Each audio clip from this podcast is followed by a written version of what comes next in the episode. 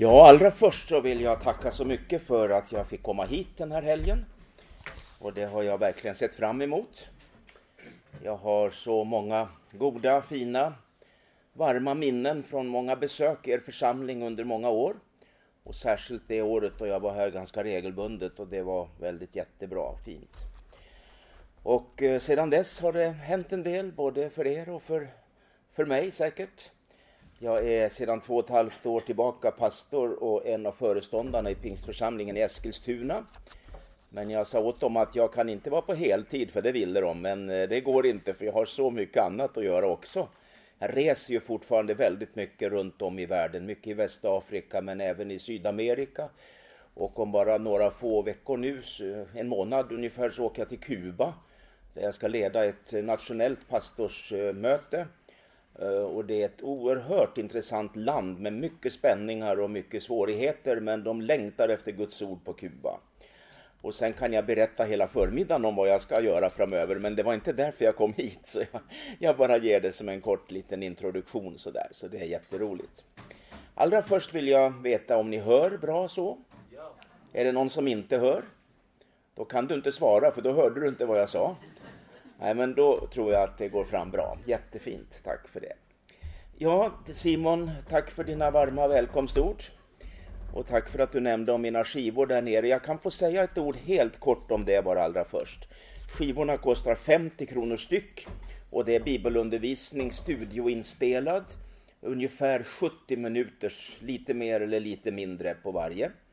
Och de där är det många som prenumererar på. Jag tror att det är några av er som gör det också. Och då får man dem hem till postlådan varje månad. De kostar alltså 50 kronor styck när man köper dem så här, för då är det inget porto, så då är det 50 kronor. Och eh, överskottet, och det blir rätt bra överskott för jag får stora volymer på dem. Det går alltså till eh, Västafrika, till infödda evangelister och till det fantastiska arbete vi har där nere som jag ska få tillfälle att nämna lite om imorgon förmiddag. Jag har två CD-skivor som heter Bön som når till Faderns hjärta, del 1 och del 2. Det är en undervisning som eh, går ut på mitt böneliv, som inte får stanna vid ord och böner, utan det är en eh, gemenskap och ett samarbete med Gud och Faderns hjärta. Ja, den där serien har blivit väldigt uppskattad och har sålts mycket. Jag har också två stycken, del 1 och del 2, som heter God jord för andlig tillväxt. Det är så att jag har just skrivit färdigt en bok som het, ska heta God jord. Jag kan inte ge ut den riktigt än, men den kommer kanske så småningom. Och där tar jag upp frågorna om församlingens utveckling och församlingens tillväxt och mognad. Eh, som då också är den enskilda troendes, för om församlingen växer så beror det på att de enskilda medlemmarna växer. Det är inte organisationen som ska växa. Det är inte administrationen som ska utvecklas, utan det är medlemmarna som ska utvecklas.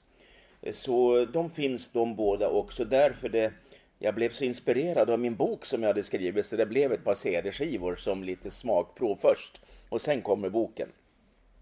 Jag gjorde för kort tid sedan också två stycken om kristet förvaltarskap. En där jag undervisar om tiondegivandet. Och det tycker jag är viktigt att ta, ta upp nu för att många yngre de vet inte mycket om det. Jag har fått de reaktionerna på den CD-skivan. Vad är det för någonting? Och så har man hört talas om det men man tror att det är något som hör Gamla Testamentet till och inget att bry sig om. Men det är faktiskt en väldigt viktig sak.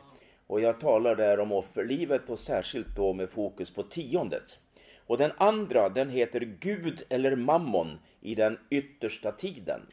Där jag tar upp om materialismen som en eh, global eh, rörelse som kommer från ondskan och som uttrycks i Uppenbarelseboken i kapitel 17 och 18 där det beskrivs som den stora skökan. Där jag hör en del predikanter ensidigt undervisa om att det är den stora katolska kyrkan, det är Rom. Jag håller inte med om det. Jag menar att det finns ett stråk av villfarelse när det gäller kyrkor på villospår, det är det. det. Det framgår där. Men när de texterna leder till Rom, för det gör de definitivt, så är det inte i första hand en kyrka, utan det är till romarriket. Romarriket i sin antisemitiska och antikristliga tappning kommer att bli väldigt påtaglig i den yttersta tiden. Och det är precis vad vi ser nu, hur detta eskalerar väldigt mot judarna, mot Israel, mot en levande Guds församling. Döda kyrkor får vara i fred, men så fort det lever eh, så blir det problem. Det är vad vi ska få förhålla oss till i den här yttersta tiden. Så allra särskilt vill jag nämna om Eh, tre CD-skivor som är eh, om Kolosserbrevet med temat, temat Jesus den främste i allt. Jag skulle kunna undervisa er utifrån det här idag, men jag har fått någonting annat som går före. Så det jag egentligen skulle ha talat om, det får ni köpa med er på tre CD-skivor. Kolosserbrevet, som är oerhört starkt för andligt ledarskap, där vi inte leder utifrån det vi lär oss ute i näringslivet Eh, med andligt ledarskap, utan vi lär oss utifrån Bibeln om herdesinne och herdeskap. Där brottades man väldigt med frågor som ledde församlingen bort ifrån det som var det centrala, nämligen Kristus. Utan man fick in massor med andra saker som frestade människorna att bli en synkretistisk eh, församling, det vill säga en religionsblandad församling. Men ledarskapet där var så starkt alltså så de markerade Kristus på ett mycket bra sätt. Och där finns väldigt mycket näring vi kan få när vi studerar andligt ledarskap och herdeskap. Titta på bordet där och min fru kommer att gå dit också så då kan ni få träffa henne. Och det är värt mycket det också kan jag bara säga er, absolut. Eh, får jag vara så frimodig så jag nämner om en bok som jag inte har skrivit men jag har skrivit inledningen. Och det är Nils Olof Nilssons bok som heter Anden och vi har beslutat. Den svenska pingströrelsens förändringsprocess under en 20-30 år nu. Och Den här boken vill jag faktiskt rekommendera. Och särskilt inledningen, för den har jag skrivit själv, så den är jättebra. Nej, men och man behöver inte tycka precis likadant som Nils-Olof Nilsson, för det finns olika meningar om det. Det finns de som tycker han är helt ute och gammaldags och, och, och, och bakåtsträvare. Och andra som ser honom som en profet, som säger sanningen. Eh, jag tar inte ställning till de frågor som tas upp här, utan jag tar ställning till ämnet som sådant. För att kunna ha en uppfattning om våra vägval, både som lokala församlingar och som rörelse så måste man ha en ärlägesbeskrivning som är korrekt och som är riktig. Han hjälper mig med den. Han är teologie doktor, han är duktig, han kan sin sak och han, rent vetenskapligt går han igenom våra vägval i pingströrelsen och, och, och har sin slutsats. Och sen är det intressant vilken din slutsats blir. Jag håller inte med honom i allt han skriver, men jag håller med honom i den analys han gör av svensk pingströrelse idag. Den kostar 150 kronor och jag, eftersom jag skrev förordet så fick jag med mig några böcker som jag ska sälja och de ligger där. Inte många, jag tror det är fem stycken bara. Köp den om ni är intresserade av vår historia och även våra framtidsfrågor. Vi ska nu läsa Herrens ord i första Timoteusbrevet i det tredje kapitlet. Här talas det i de sju första verserna om äldste och pastorstjänsten som i grunden är samma tjänst. Man kan inte säga att det finns en pastorstjänst och så en äldstetjänst, utan det är i Bibeln samma sak. Och här har vi grundtextens episkopos. Och läser du det tydligt och sakta och lugnt så, så nästan låter det som biskop, eller hur? Va? Episkopos. Det lutar åt biskop. Så ni som är äldste, ni är biskopar alltså. Fast vi kallar det inte så i våra eh, församlingar, men eh, det är det som ligger till grund för själva ordets betydelse här. Sen har vi från den åttonde versen de som kallas för diakoner, eh, medarbetare alltså. Församlingstjänare kan de också kallas för. Och det är de alltså som står tillsammans med episkopos mm, och tjänar tillsammans med ledarskapet i Guds församling. Och när man läser om de olika kvalifikationerna för de här båda så skiljer det nästan ingenting.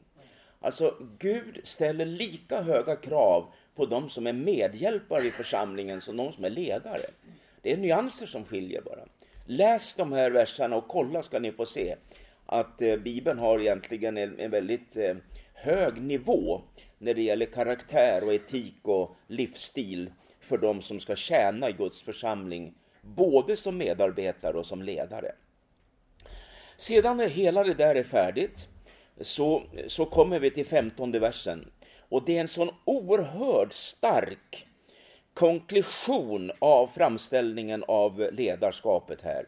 Och den är Kristuscentrerad. Jag läser från 15. Men om jag dröjer ska du veta hur man bör förhålla sig i Guds hus, som är den levande Gudens församling, sanningens pelare och grundval. Och erkänt stor är Guds fruktans hemlighet. Han som blev uppenbarad i köttet, bevisad rättfärdig genom anden, sedd av änglar, predikad bland folken, trodd i världen, upptagen i härlighet. Alltså, först har vi ledarna, så har vi medarbetarna och allt detta det strålar samman i en av Bibelns vackraste och mest radikala Kristusproklamationer som jag vet. Eh, Jesus är alltså ett centrum och en grund och en substans och vad du vill uttrycka det med för ord för andligt ledarskap. Det är inte ledarskapsfrågorna som styr det här. Det är inte det du kan få lära dig i någon kurs ute i näringslivet om hur du kan leda ett eh, aktiebolag eller en eh, verksamhet inom den offentliga sektorn. Utan det är din Jesusrelation som avgör hela saken. Jag tycker ibland att eh, vi i församlingarna tar allt för mycket ideal från näringslivet. Vi har ofta näringslivskonsulter inne som hjälper oss med sådana här frågor. Och jag säger inte att det är fel. Vi kan lära oss mycket därifrån, men det är begränsat det de kan lära oss. Därför att ni måste förstå att det finns en väldigt stor skillnad mellan att leda en, ett, ett företag i näringslivet här ute i Skövde någonstans och den levande Gudens församling. De litar till sin styrelse, de litar till sina medarbetare, de litar till att det finns en ekonomisk substans i verksamheten som de kan utveckla och de litar på att det finns ett kundunderlag för deras försäljning eller tillverkning. Men i Guds församling litar vi framförallt på Gud. Det är en avgörande skillnad alltså. Och därför när ett andligt ledarskap litar mer på strukturerna, på organisationerna, på ekonomin eller någonting liknande, då har vi begränsat det andliga ledarskapet. Det andliga ledarskapet relaterar alltså till Jesus Kristus och därmed till den helige Ande. När jag studerar detta i Apostlagärningarna så ser jag att det blev egentligen inget ledarskap alls innan de blev andedöpta. Alltså innan andedopet så var de instängda i ett rum, låst dörren om sig och de deppade, hela gänget. Trots att de hade vandrat med Jesus i lång tid. Trots att de hade sett Jesus som förebild i flera år. Trots att de hade fått Jesu förböner. Trots att de hade varit så nära Jesus varje dag skulle jag säga. För jag ser inte att de hade några sommarlov i den bibelskolan. Eller påsklov. Eller höstlov. Eller jullov. Eller vintersportslov. Och några extra lov någon gång. Utan jag ser att de gick med Jesus dag efter dag efter dag i tre, över tre år skulle jag tro. Och de bara mättades av hans närvaro och hans undervisning. Och ändå så räckte det inte. Jesus säger, nu ska jag gå hem till Fadern och ni ska ta över det här. Men ni får inte predika. Ni får inte be för sjuka. Ni får inte gå ut och verka förrän ni har fått den heliga Ande. Så han ger predikoförbud. Han, han säger åt dem att gör ingenting, bara be och vänta till dess att ni blir fyllda med den heliga Ande. Då ska ni göra allt det där annat som vi har predikoförbud på nu. Jag tror att vi i det andliga ledarskapet måste få börja lyfta vår blick och se att det, allt det där andra kan ha sitt värde. Men har vi inte helig ande så vi flödar i anden i vårt ledarskap, då är det en brist och då har vi marginaliserat vårt ledarskap eh, i Guds församling. Nu ska vi titta på den eh, eh, femtonde versen ska ni få se på en sak. För frågan är, vilken församling är vi ledare för? Jo, säger någon av er, det är pingstförsamlingen. Och vi är med i samfundet, för det är ni nog. Det är de flesta nu. Och vi är pingstvänner och vi har loggan och vi har Pelle och vi har alla möjliga fina som hjälper oss. Och jag säger amen och ja till alltihop, för det är så jättebra att vi har goda medarbetare både i församlingen och externt som kan hjälpa oss. Så det är bra. Men vet du, den här texten säger ingenting om det där. Den säger nämligen i 15 versen att det är den levande Gudens församling som du ska leda. Är inte det rätt så häftigt? Alltså det är inte pingstförsamlingen eller missionskyrkan eller baptisternas församling du ska leda, utan det är den levande Gudens församling. Det ger oss ett oerhört perspektiv på andligt ledarskap. Om det är så att det är Gud som äger sin församling och så säger han till mig att du ska vara med och leda den församlingen. Då måste jag ju få lite, lite pirr i magen och lite darr i knävecken för jag undrar hur i all världen ska jag kunna leda något som så starkt tillhör Gud? Det går lättare om man säger att det tillhör ett samfund eller en organisation och, eller en, ett nätverk eller något sånt där. Men när vi får klart för oss att det jag ska leda, det tillhör den levande guden. Och då tar vi upp fyra punkter nu som visar på hur det kan vara att den församling som du ska leda verkligen tillhör Gud. För det första, församlingen i Skövde som du leder är köpt åt Gud. Amen. Alltså om jag går ut här i en bokhandel i Skövde och köper en bok och den kostar 200 kanske och jag tar upp 200 och lämnar och så får jag ett kvitto. Då övergår den boken till min ägo. Det var aktiebolaget Bokhandel som ägde den förut förmodligen. Men nu händer det något med boken när jag betalar priset. Jag tar över den och jag kan ge bort den, jag kan sälja den vidare, jag sätter in den i min bokhylla och jag kan skriva på försättsbladet tillhör Ove Lindeskär. Det ångrar jag mig att jag inte har skrivit i alla mina böcker.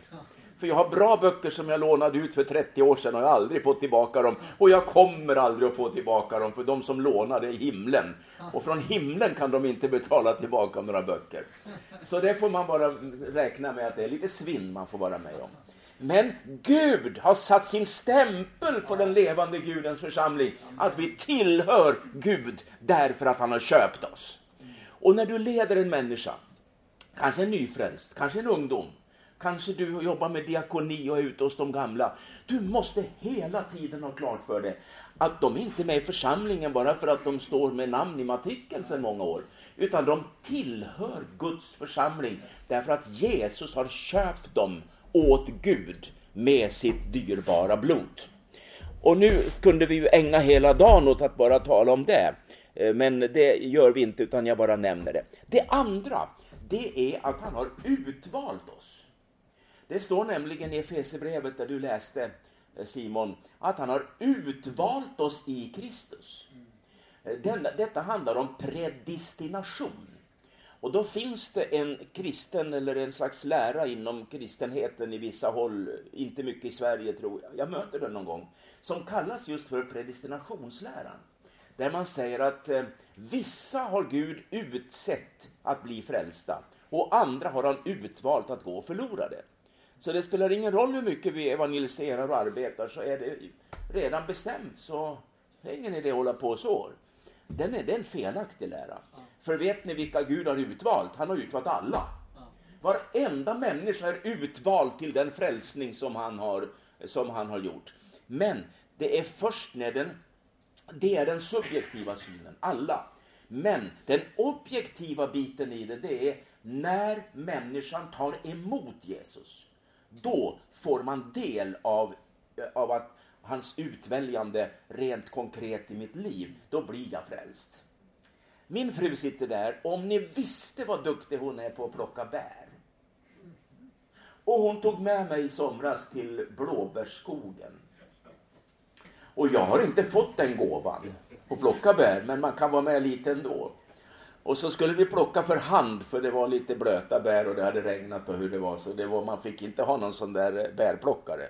Så jag fick väl acceptera alla de order jag fick och jag fick en hink och så skulle jag plocka dem. Och du vet, jag är ju så mycket predikant så jag är ju hopplös. Blir, det blir ju bara bilder för mig hela tiden. Så jag tänkte på det här att jag var utvald i Kristus när jag gick där bland blåbärsbären. Och så tänkte jag, nu ska jag utvälja dig. Och så pekade jag på ett bär. Jag utväljer dig du blåbär. Och så tog jag det där blåbär och tittade på det lite. Halleluja, nu är du utvald och så ner i hinken. Och så utvalde jag en massa bär sådär. Och när jag hade fått en decimeter ner i hinken så kom hon och sa, är du inte färdig än? Så då hade hon sin hink full redan. Va? Nej, det går sakta för mig för jag håller på att utvälja dem. och de flesta bären lämnade jag i skogen förstår ni. Jag tog dem inte, men de jag fick i min hink, de fick jag med mig hem. Och så cyklade vi. Och när vi cyklade hem och hon hade sin hink full och jag hade bara lite grann, då sa jag till Amrit, vad mycket du har i din hink då? Ja, sa hon. Det höll hon med om. Men en sak ska du veta, sa jag. De jag har i min hink, det är mina bär, för de har jag utvalt. Och så är det med församlingen, förstår du. Varenda blåbär i församlingen, men nu får ni inte misstolka mig. Varenda medlem i församlingen är utvald av Gud. Kolosserbrevet 1 och vad är det, 16 någonting, 14 kanske, 16 att han, har, han, han tog oss ut från synden och döden och införsatte oss i sin älskade Sons rike. Han har utvalt oss. Så de som du är satt att leda, de har Gud utvalt. Och de gör man inte hur som helst med. Alltså här kommer nu ett intressant perspektiv. Om Gud har utvalt någon och den har tagit emot gåvan och blivit frälst, så måste man ha stor respekt för de människorna. De är Guds avbilder. De är bärare av det gudomliga. De här medlemmarna som ni har hand om, de är på väg till himlen. De kan strula ibland och ha sina frestelser och det kan gå fel. Men de är stämplade av denna gudomliga stämpel att de tillhör därför att han har köpt dem. Halleluja. Så ibland har jag anledning att säga att en pastor och en ledare får, måste ha stor respekt för dem man ska leda. Får inte vara arrogant mot dem, får inte komma uppifrån för mycket och peka, utan som Jesus, han kom underifrån. Han blev en människa och kom som en människa för att hjälpa andra människor. Han kom inte på molnen och pekade ner så här och tvingade dem till något. Han blev en av dem. Och i andligt ledarskap utifrån det här perspektivet måste du bli till ett med dem du ska leda. Om du är ungdomsledare och har ett gäng tonåringar så vet du att om du har en attityd att vara en besserwisser och komma uppifrån hela tiden så kommer de inte att ha förtroende för dig till slut. Du måste bli en av dem. Det måste finnas en, en inkarnation av kött och blod in till den gruppen som du ska verka. Och, och, är du ledare för en pensionärsgrupp så ska du inte kalla dit en, en rockorkester till exempel. Det blir ju så fel. va. De dör på kuppen av det höga ljudet. Utan du måste vara så inkarnerad med de medlemmar du har att leda så att du når dem med evangeliet och med uppmuntran och därför kanske en strängmusik eller någonting annat passar bättre för dem. Jag ser också eh, när jag talar på det här viset att eh, vi tillhör Guds församling därför att vi är hans kropp och han är huvudet. Ni ser att jag har ett huvud här, ser ni det? Och tack för att ni har varsitt huvud med er, det var väldigt bra. Eh, och, och då är det så att min kropp, min hand till exempel, jag kan säga verkligen, det här är min hand. Eller hur? Det där är Simons hand, den är inte min. Det här är min hand. Därför att den sitter fast på kroppen och kroppen sitter fast med huvudet. Och jag har alltså en tillhörighet till mitt huvud. Och här uppe, jag har aldrig sett den någon gång, men det påstås att jag har en hjärna här uppe som sitter inne här någonstans. Va?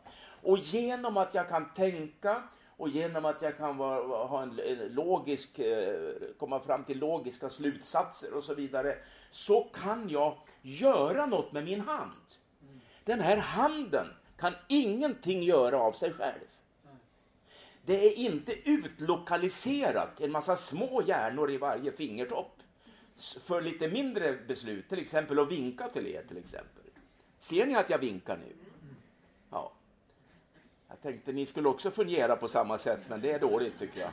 Ja, det kommer igång. Det tog lite tid för er, men träna upp det där ska ni få se att det går fortare sen.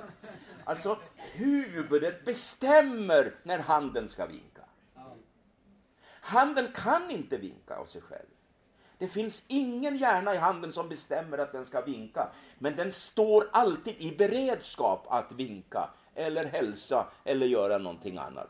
Och församlingen, förstår du, vi tillhör huvudet för att stå i största eller högsta beredskap. Detta är som det ledaren måste ta med sig härifrån.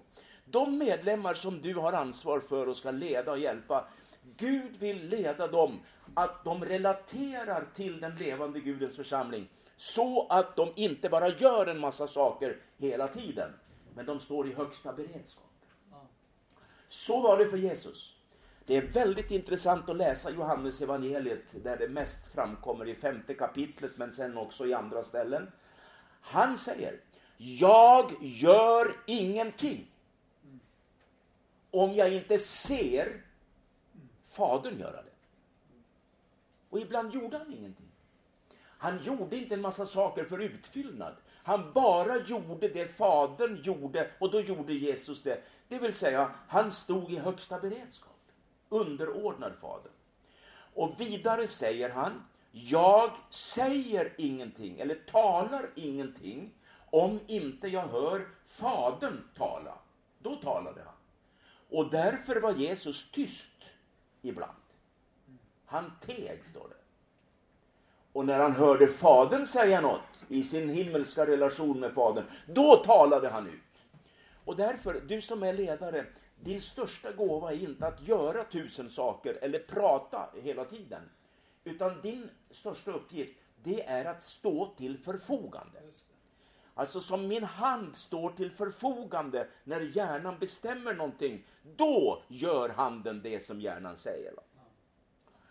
Jag tycker, och det vet jag, jag, jag sa när jag var här för några år sedan en hel vinter och det var så fantastiskt fina möten och med ledarna och med församlingen. Jag tycker, uppriktigt sagt så tycker jag, och jag tycker det ändå mer idag för jag har haft anledning att pröva det, att vi, vi kompenserar ibland i församlingarna bristen på den här, det här underordnandet och det här beredskapstänkandet med en massa slit och jobb och prat. Jag var i en av de större pingstförsamlingarna och hade en kampanj, det är inte alldeles nu men heller inte väldigt länge sedan. Härliga möten var det, stort. Gud gjorde härliga saker, det var säkert. Och när jag skulle åka hem på söndagskvällen efter sista mötet, då var det en kvinna ute på kyrktorget som sprang efter mig och sa Jag vill prata med dig Ove innan du åker. Ja, jag gick där med min väska och skulle gå ut i bilen. Och då säger hon så här, jag vill verkligen tacka dig för de här mötena. Ja, tack kära du, sa jag. Det var så roligt att vara här och jag vill också tacka för det har varit så ömsesidigt där då. Ja, men jag vill särskilt tacka dig för en sak. Ja, vad är det då? Jag vill tacka dig för att du har varit tyst. Nej, sa jag, jag har inte varit tyst. Jag har predikat varenda kväll, har du inte hört det? Jo, jo, jo, jo, jo, sa Men när vi kommer till eftermötet, då har du varit tyst kväll efter kväll.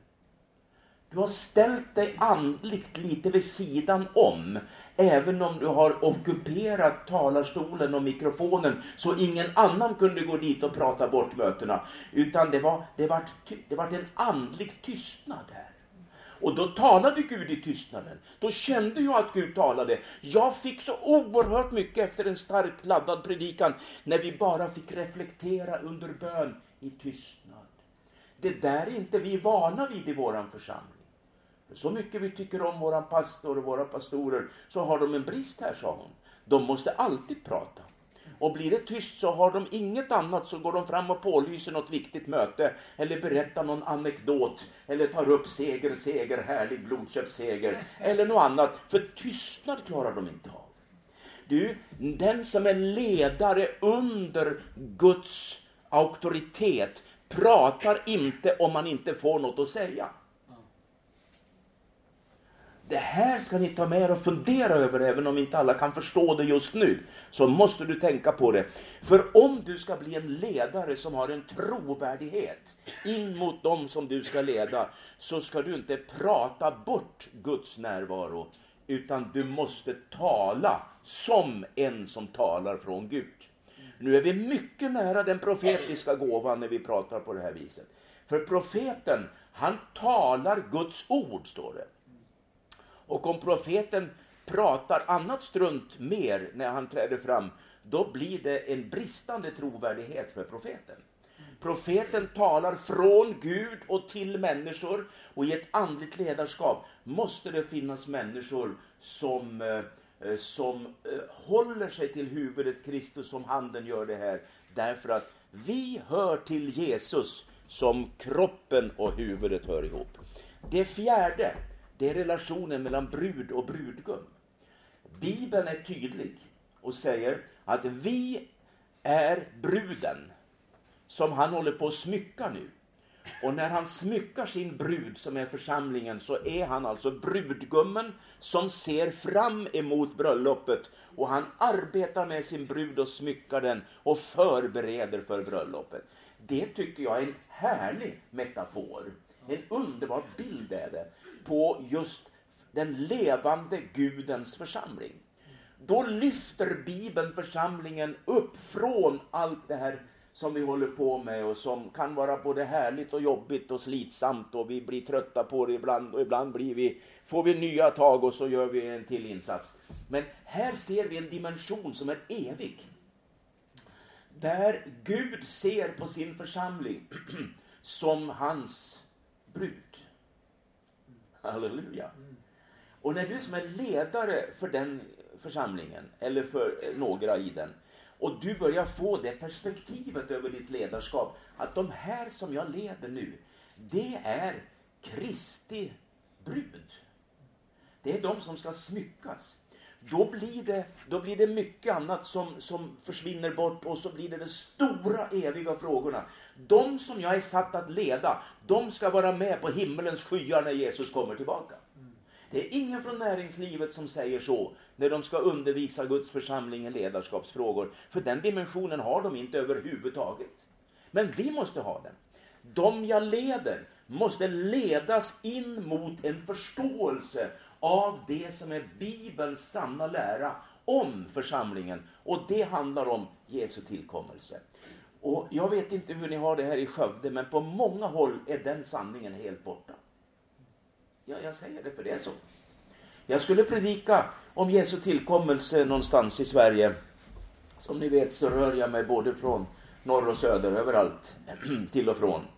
Och jag hade meddelat att jag vill på söndag förmiddag ha börja med en sång. Ni får välja vilken ni vill, men det ska vara helst både orgel och piano och trumpeter och alla möjliga pampiga instrument. Och så ska vi sjunga Se han kommer mycket snart, eller vad det nu blir för sång. Va?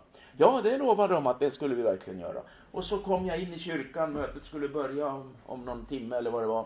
Och då kommer mötesledaren och sa, jag är väldigt ledsen, du har ju, ville ju ha sånger om, om Jesu tillkommelse, men alla som tjänar idag, både sångare och musiker, de kan ingen sån sång.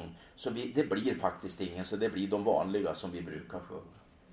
Då, då, det blev för mig själva spjutspetsen på det jag anade, men som jag nu fick bekräftat. Det är ju mycket, mycket tragiskt. Att en, och det var ingen liten församling, det var en av våra medelstora eller lite större församlingar. Som, där man inte sjunger sånger om Jesu tillkommelse längre. Och ingen, och det var inte bara väldigt unga människor som sjöng där, ingen kunde en sån sång och de hade inte tid att lära in någon.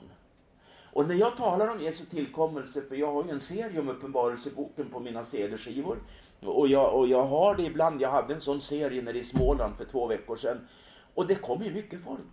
För många vet inget om det längre. Jag vet att det reser runt några som är specialister på det, men de är inte på alla platser.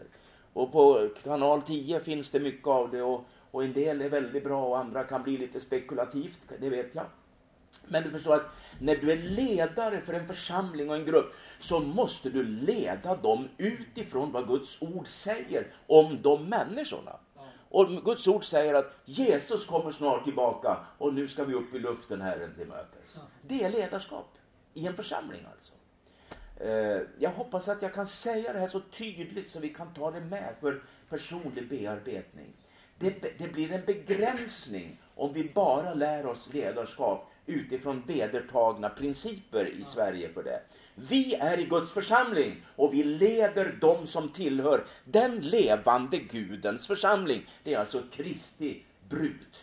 Och när min fru och jag, vi, var, vi hade sällskap, det hade vi för många år sedan. Då hade vi sällskap och vi var förlovade. Då var det en relation. Vi var förlovade och då såg vi fram emot bröllopet. Det gjorde i alla fall jag. Och du sa att du gjorde det också, eller hur? Och så skrev vi brev till varandra, för jag var mellan, jag hade varit i Finspång som predikant och så skulle jag till Malmö. Och, och, det var den där sommaren då vi var förlovade och då var jag resande predikant och jag reste i Norge mycket och i Norrland och överallt. Och vi träffades ju inte på flera veckor ibland, men vi skrev brev till varandra. Och jag gav henne en lista på adresser till alla de pastorer i Sverige och Norge där jag skulle vara. Och, och så hade jag annan post eftersänd också enligt den där listan. Va? Och så fort jag kom till någon, någon kyrka i Norge till exempel, det första jag frågade pastorn, har det kommit några brev? Och det hade det som regel gjort. En gång var det tre brev som hade kommit. Det var bilskatten. Och så var det en pastor som skrev Käre broder Ove, vi önskar att du kommer på tältmöten i vår församling nästa sommar. Och det var ju, skatten läste jag aldrig mer än bara kolla vad det var för något och såg till att det blev betalt i tid. Och det där med kallelsen, det var ju intressant. Och så var det ett kärleksbrev. Visst var det härligt? Alltså, vi planerade för någonting storslaget. Och vi skrev brev till varandra. Och en gång så skrev hon, får jag säga det? Jo, men det säger jag ändå. Det var väl här, det var så härligt. För att hon gick på sjuksköterskeskolan i Norrköping och jag var, då var jag uppe i Norge, det minns jag så väl.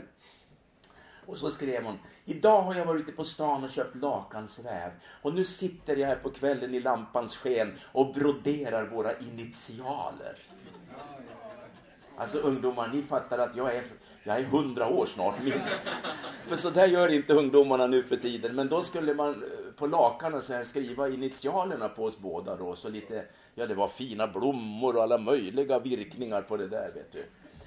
Och helt plötsligt så sitter jag uppe i Norge några timmar före mötet och läser det där. Och jag blev så intresserad av broderier helt plötsligt. Jag hade aldrig tänkt på broderier. Jag visste nästan inte vad det var. Och så tänkte jag, nu sitter hon där nere i sitt rum där på sjuksköterskeskolan. Istället för att läsa läxor och jobba med sina prov så, så förbereder hon för vårat hem. Halleluja. Och så gick jag till mötet förstår du och jag hade bibeln och pastorn där i Norge satt bredvid mig och jag satt här. Och så hade jag mitt predikoutkast här. Och längst fram här i försättsbladet, där låg det där brevet. Och så öppnade jag bibeln och så började jag läsa lite på brevet. Och pastorn han tro, trodde nog att det var utkastet, men det var det inte. Och så kände jag, det här måste jag läsa en gång till innan jag predikar.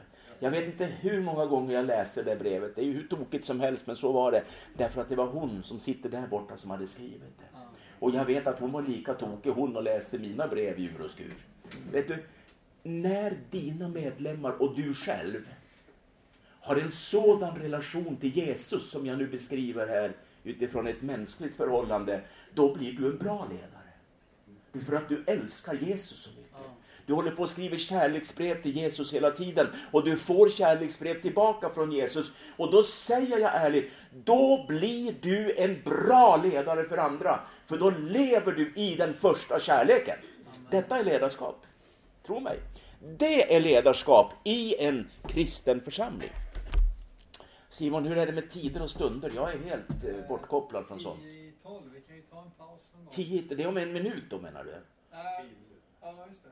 Ja, men jag kan ju inte predika en minut, det är ju ingen idé. Nej, nej, nej. Alltså, vi, vi är, hon är 10-12. Ja, hon är det Vi tar någon paus. Vi tar en paus nu, ja. Mm. Säg till hur det så fortsätter vi.